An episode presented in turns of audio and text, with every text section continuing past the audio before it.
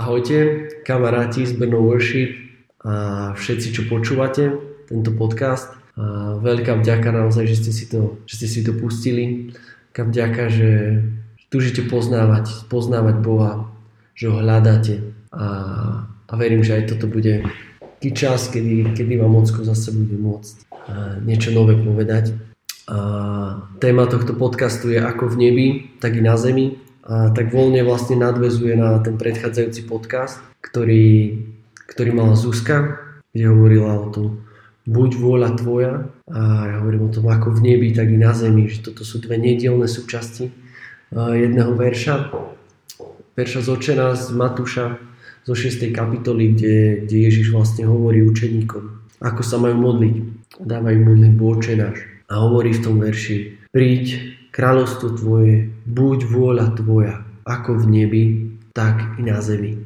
A čo to vlastne znamená, ako žiť ako v nebi, tak i na zemi. A vieme, že, že v nebi už nie sú žiadne choroby, že tam nie sú žiadne depresie, že tam nie je ničoho nedostatok, že, že tam budeme vidieť Boha z tváre do tváre, že, že budeme môcť stať pred ním, že budeme chváliť, uctievať, že budeme v jeho prítomnosti, že budeme môcť poznávať Boha, ktorý je nekonečný. A Ježiš nás práve aj cez tú modlitbu, ktorú nám dáva, tak vyzýva do toho, aby sme, aby sme o to prosili, aby sme sa modlili a túžili potom a nečakať len do neba, kým to zažijeme, tú realitu neba, ale aby sme mohli už tu na zemi žiť ako v nebi, tak i na zemi.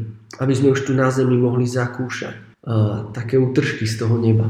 A ako by to vlastne malo vyzerať ako v nebi, tak i na zemi. Ako to vlastne vyzerá v nebi, že, že nevidíme ten celý obraz a ani ne, nikdy ho neuvidíme tu na zemi.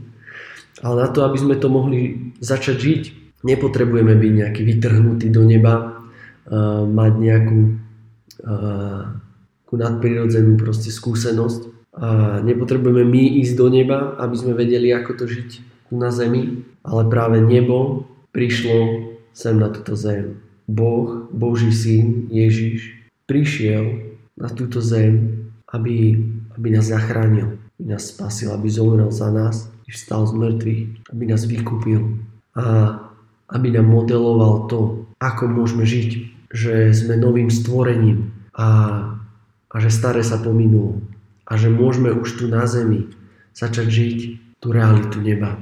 Že už tu na zemi môžeme žiť ako v nebi a, a na jeho živote, na tom, ako Ježiš žil práve, môžeme vidieť, čo to znamená. Že on nám to prišiel ukázať.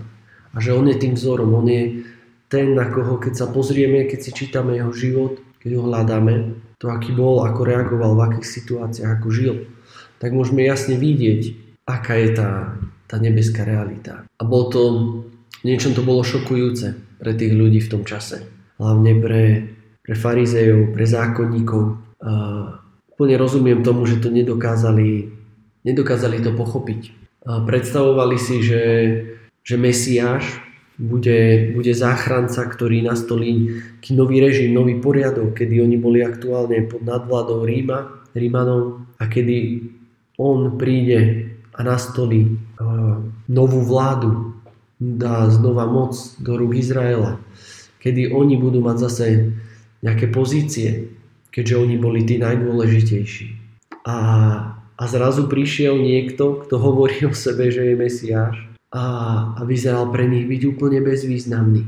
A bolo to pre nich niečo šokujúce, s čím uh, ich nastavenie nedokázali s tým pracovať. Nedokázali to pochopiť, nedokázali to pobrať. Že by toto mohlo byť, lebo ich predstavy a ich očakávanie bolo niekde úplne iné. Predstavovali si ho úplne inak ako ako toho, ktorý, ktorý sa narodí v maštali. Ako ten, ktorý ako malé dieťa vyučuje, vyučuje v chráme. Ten, ktorý je syn obyčajného tesára. Ten, o ktorom príchode počujú a potom 30 rokov nič. O ktorom 30 rokov vlastne nevedia. Že by to mohol byť niekto, kto prišiel v skrytosti. Niekto, kto nehľadá vlastnú slávu. Niekto, kto nevládne nejakou mocou tvrdej, tvrdej nejakej ruky. Že oni si mysleli, že príde nejaký nový režim, kedy oni budú tí najdôležitejší. A, a zrazu prichádza niekto v takej zdanlivej bezvýznamnosti. Niekto, kto ani im ne, neprináša nejaký, nejaký zisk. Niekto, kto koná zázraky, ale nie pre vlastnú slávu. A presne tak prišiel Ježiš. Ježiš prišiel, aby slúžil. Prišiel, aby za nás zomrel. A, a priniesol úplne inú realitu. Tú skutočnú realitu neba. Koná zázraky, ktorými slúži. Ktorými nehľadá vlastnú slávu. Ktorými nesnaží sa nastoliť nejaký nový režim, ale, ale slúži tými zázrakmi ľuďom okolo. Poukazuje nimi na Božiu dobrotu, Božiu lásku. Toho, ktorý sa dotýka konkrétne tých potrieb ľudí, ktorí prichádzajú za ním, ktorý sa dotýka ich životov. A sám Ježiš, keď, e, keď aj tieto zázraky a, a priťahujú masy ľudí za ním, lebo sa ľudia cítia v jeho blízkosti dobre. Bo Ježiš nie je ten, ktorý sa na nich povyšuje, ale je ten, ktorý sa k ním skláňa. To ten, ktorý s láskou prichádza ku ním. A, ale zároveň, keď Ježiš sám vidí, že ako keby začínajú sa zameriavať na Neho a, a tak on sám odchádza do samoty za otcom. On sám odchádza, aby, aby mal taký čas, čas aj s otcom. A nevyhľadával tú slávu. Veľa zázrakov konal v skrytosti pred pár učeníkmi. Nebolo to to, čo hľadá. A, a ak aj my chceme, a verím, že aj týmto Ježiš, Ježiš modeloval to, ako my potrebujeme kráčať. Že potrebujeme sa začať viac zameriavať na Ocka. Viac sa zameriavať na Boha ako na samých seba. Aj v tom našom kresťanskom kráčaní. V našom kresťanstve.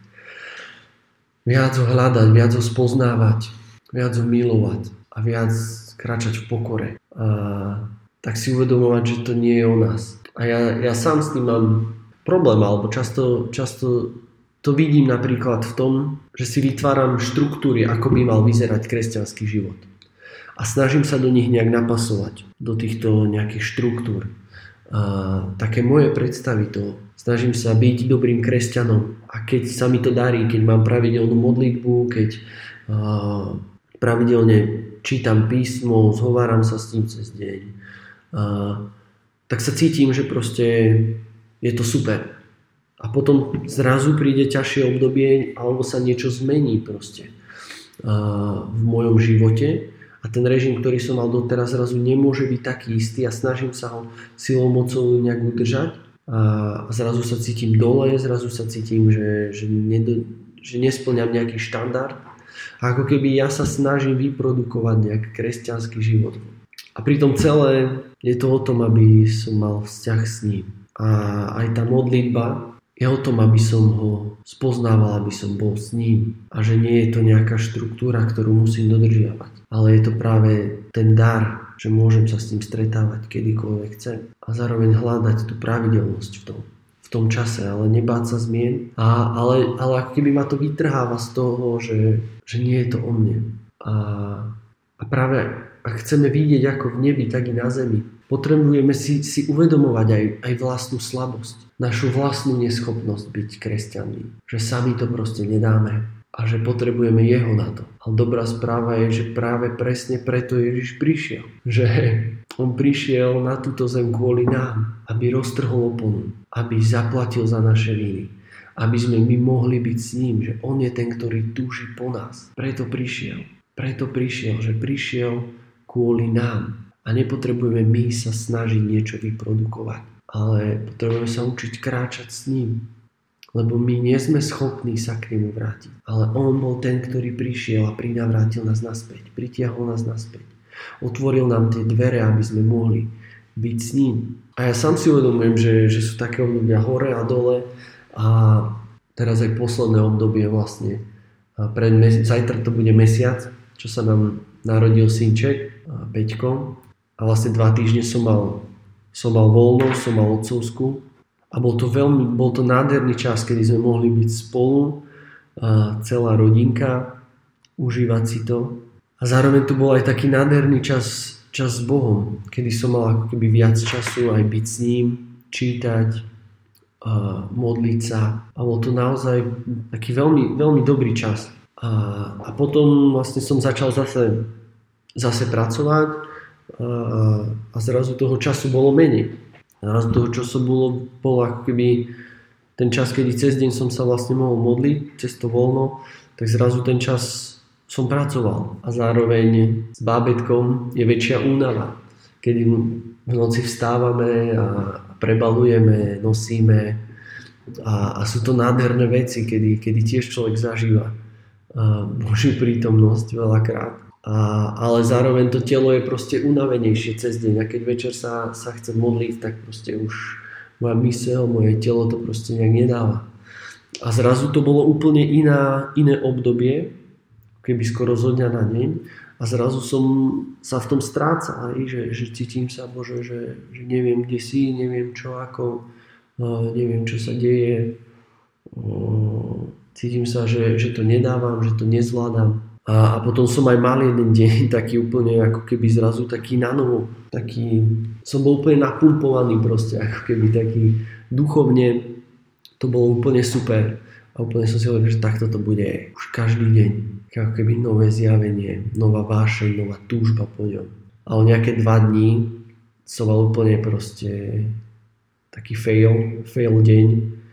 A už aj neviem čo, ale proste sa mi kazili veci a už som bol úplne nervózny. A, a aj s chalanmi, šivo chalanov, čo máme doma, už som to nedával a, s trpezlivosťou a nereagoval som dobre na nich. Ale tak, tak mi ocko, tak som si uvedomil, keď som nad tým potom tak večer uvažoval, že, že presne takéto dni, že oci potrebujem aj takéto dni zažiť. Potrebujem dni, kedy, kedy padám, kedy som na dne. Keby potrebujem dni, kedy si potrebujem uvedomiť, že proste nie som Boh. Nie, nie je to o mne. Nie je to o tom hmm, byť stále niekde na vrchu s pocitmi a so všetkým, že to proste nie je. Uvedomil som si proste v ten deň, hej, že hej, stále som len človek, ktorý robí chyby, ktorý, ktorý padá.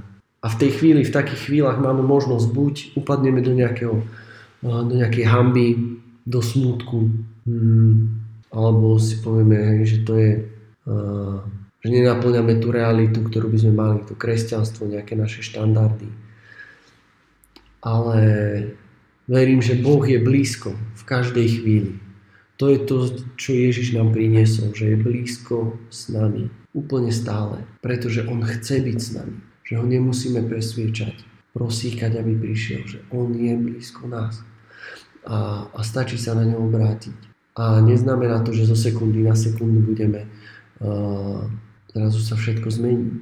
Ale v tom je to, že prečo žijeme. Či žijeme pre nejaké vlastné, vlastné len pohodlie alebo také vlastné nejaké naplnenie, šťastie, alebo či naozaj hľadáme jeho a či on je tou najväčšou odmenou. A tá realita ako v nebi, tak i na zemi začína práve v našom srdci, v mojom srdci, kedy si potrebujem začať uvedomovať, že, že kresťanstvo nie je o mne, že je to o ňom, že je to o ňom. A potrebujem mať tú realitu neba, to, že on je Boh, a zároveň je milujúci otec, že toto potrebujem mať vo svojom srdci. A že nie som na to sám. Že hoci otec je v nebi, Ježíš, Boží syn, vystúpil na nebesia, tak Duch Svetý je Boh v nás. Ten, ktorý je každú chvíľu so mnou, ktorý ma nikdy nenechá, ktorý môžem v každej chvíli hovoriť. A Ježiš bol tiež človekom, mal telo ako my, bol tiež unavený, bol slabý, ale jeho duch bol silný, lebo mal dokonalý vzťah so svojím Otcom, dokonalý vzťah s Duchom Svetým. A že do toho nás pozýva hľadať tento vzťah. A že vzťah nie je niečo, čo jeden deň máš, druhý nemáš, ale je to niečo, čo buduješ zo dňa na deň po malých krôčkoch, kde ten progres nevidíš zo dňa na deň. Ale keď sa budeme učiť byť poslušní tomu vzťahu s Bohom, v maličkostiach, v každodennosti, sa učíme nežiť pre seba, ale žiť pre Neho, pre to, čo hýbe Jeho srdcom. Žiť pre to, čo jemu prináša radosť. A on sám je našou odmenou. A verím, že tak ako to aj v manželstve funguje v tom ideálnom prípade je, že, hm, že sa jeden od druhého staráme v tom vzťahu. Že nepotrebujem ja sám si nejak vydobíjať veci, ale môžem komunikovať, hovoriť svojej manželke svoje potreby, čo, čo mi chýba, po čom by som túžil, čo by mi spravilo radosť. Ale neočakávam to naspäť, iba vyjadrujem svoje potreby, svoje túžby. Není to podmienka, mojej lásky k nej. Ale ona, keďže ma miluje, tak zo svojej vlastnej iniciatívy zase vychádza ku mne a plní tie veci. A takisto ja voči nej. A takto navzájom sa milujeme a, a prinášame radosť jeden druhému. Ale nie tým, že to vyžadujeme a pretože sa milujeme. Že tak je to aj vo vzťahu s Bohom. Robiť veci, ktoré hýbu jeho srdcom. A, a verím, že tam začína tá realita ako v nebi, tak i na zemi. A Ježiš to tak modeloval, že, že úplne vlastne zabudol na seba, vzdal sa všetkého a, a cez to priniesol tú realitu. A aj zázraky, ktoré robil, robil stále v tom kontexte, že nehľadal svoju slávu, ale túžil nimi slúžiť, túžil zjavovať to, aký je Boh, túžil sa dotýkať ľudí v tých ich e, najťažších situáciách, ktorých boli. A verím, že sme k tomu povolaní zabúdať, zabúdať na seba. A skúsme, skúsme chvíľu zabúdať na seba. Nemyslím, že sa o seba nestarať. Ja verím, že alebo sa nejak dáva dole, že nemáme hodnotu, nemáme cen. Nie. Boh nám dáva tú hodnotu. V tom, že, že nás miluje, že po nás túži. A skúsme hľadať jeho veci. Veriť jemu práve. Veriť jeho pohľadu na nás. Skúsme zabudnúť na sebestredné kresťanstvo, ktoré sa točí okolo nás, okolo toho, aby my sme sa mali dobre, aby my sme boli spokojní. Ale zamerajme sa na Neho. Skúsme viac hľadiť na Neho. Aj v tých ťažkých chvíľach. Sledovať Jeho, ako keď Peter kráčal po vode, keď hľadal, hľadil na Ježiša. Ale keď sa začal strachovať, tak padá. Ale neutopí sa, lebo iba zavolá na Ježiša znova on ho vyťahne a spolu kráčajú po vode naspäť. A, a Peter mohol v tom celom zažívať tú realitu. Skúsme viac hľadiť na ľudí okolo nás, ktorí môžu práve cez nás zažívať tú realitu neba. Vidieť nebo tu na zemi, vidieť našu lásku, zažívať Božiu lásku. My sme tými rukami, my sme jeho telom, my sme jeho hlasom tu na zemi. A on nám dáva všetko na to, aby sme mohli ísť. A krôčik po krôčiku to hľadať. Krôčik po krôčiku vykračovať. Modliť sa za ľudí, žehnať im, prehlasovať uzdravenie. Ale nie pre našu slávu, ale pre jeho slávu. Nehľadať v tom potvrdenie toho, či sme dobrí kresťania, ale zjavovať tak lásku ľuďom okolo nás. A čím, čím menej budeme hľadieť na seba, tým viac budeme môcť byť premenení jeho láskou. A jeho láska vyháňa každý strach. Takže nehľadajme nejakú seba realizáciu. To, čo hľadá tento svet, hľadajme jeho. Hľadajme ho krôčik po krôčiku deň za dňom, kedy možno nevidíme výsledky, ale kráčame na ceste s ním. A tak budeme môcť vidieť tú realitu ako v nebi, tak i na zemi, aj v našich životoch, kedy On sa zmocní našich životov a bude prebývať v nás. Ako hovorí Pavol už, už ja nežijem ja, ale žije vo mne Ježiš, žije vo mne Kristus. Tak vám to ženám a tento čas, aby váš zrak bol taký zameraný na Neho, aby aj sebe to ženám, aby sme boli, boli premenení tým, ako Ježiš kráčal, že bol ochotný dať všetko. A to bolo to, ako zjavoval nebo tu na zemi. Ježiš, tak nás premieňaj. Tak sa dávame do tvojich, do tvojich rúk, aby ty si nás premieňal, že sami to nedáme. Sme slabí. Ďakujeme, že môžeme byť pri tebe slabí, lebo ty vidíš každú našu slabosť ešte predtým, ako ti ju povieme. Nemusíme si sa báť ti o nich hovoriť. A že práve v tebe sme silní. A už nás vernosti v malom vernosti v modlitbe, v rozhovore s Tebou. A ďaká Ti, že môžeme zažívať tú realitu ako v nebi i na zemi. Nech je Tvoja vôľa v našich životoch. Je nebo v nás a nech ho prinášame všade tam, kde kráčame. A nech Ty si cestou oslávený. Amen. Tak vám veľmi ďakujem. Verím, že vás to pozbudilo do vašho ďalšieho kráčania s Bohom. Počúvajte aj ďalšie podcasty. Majte sa, držte sa, buďte požehnaní. Čaute.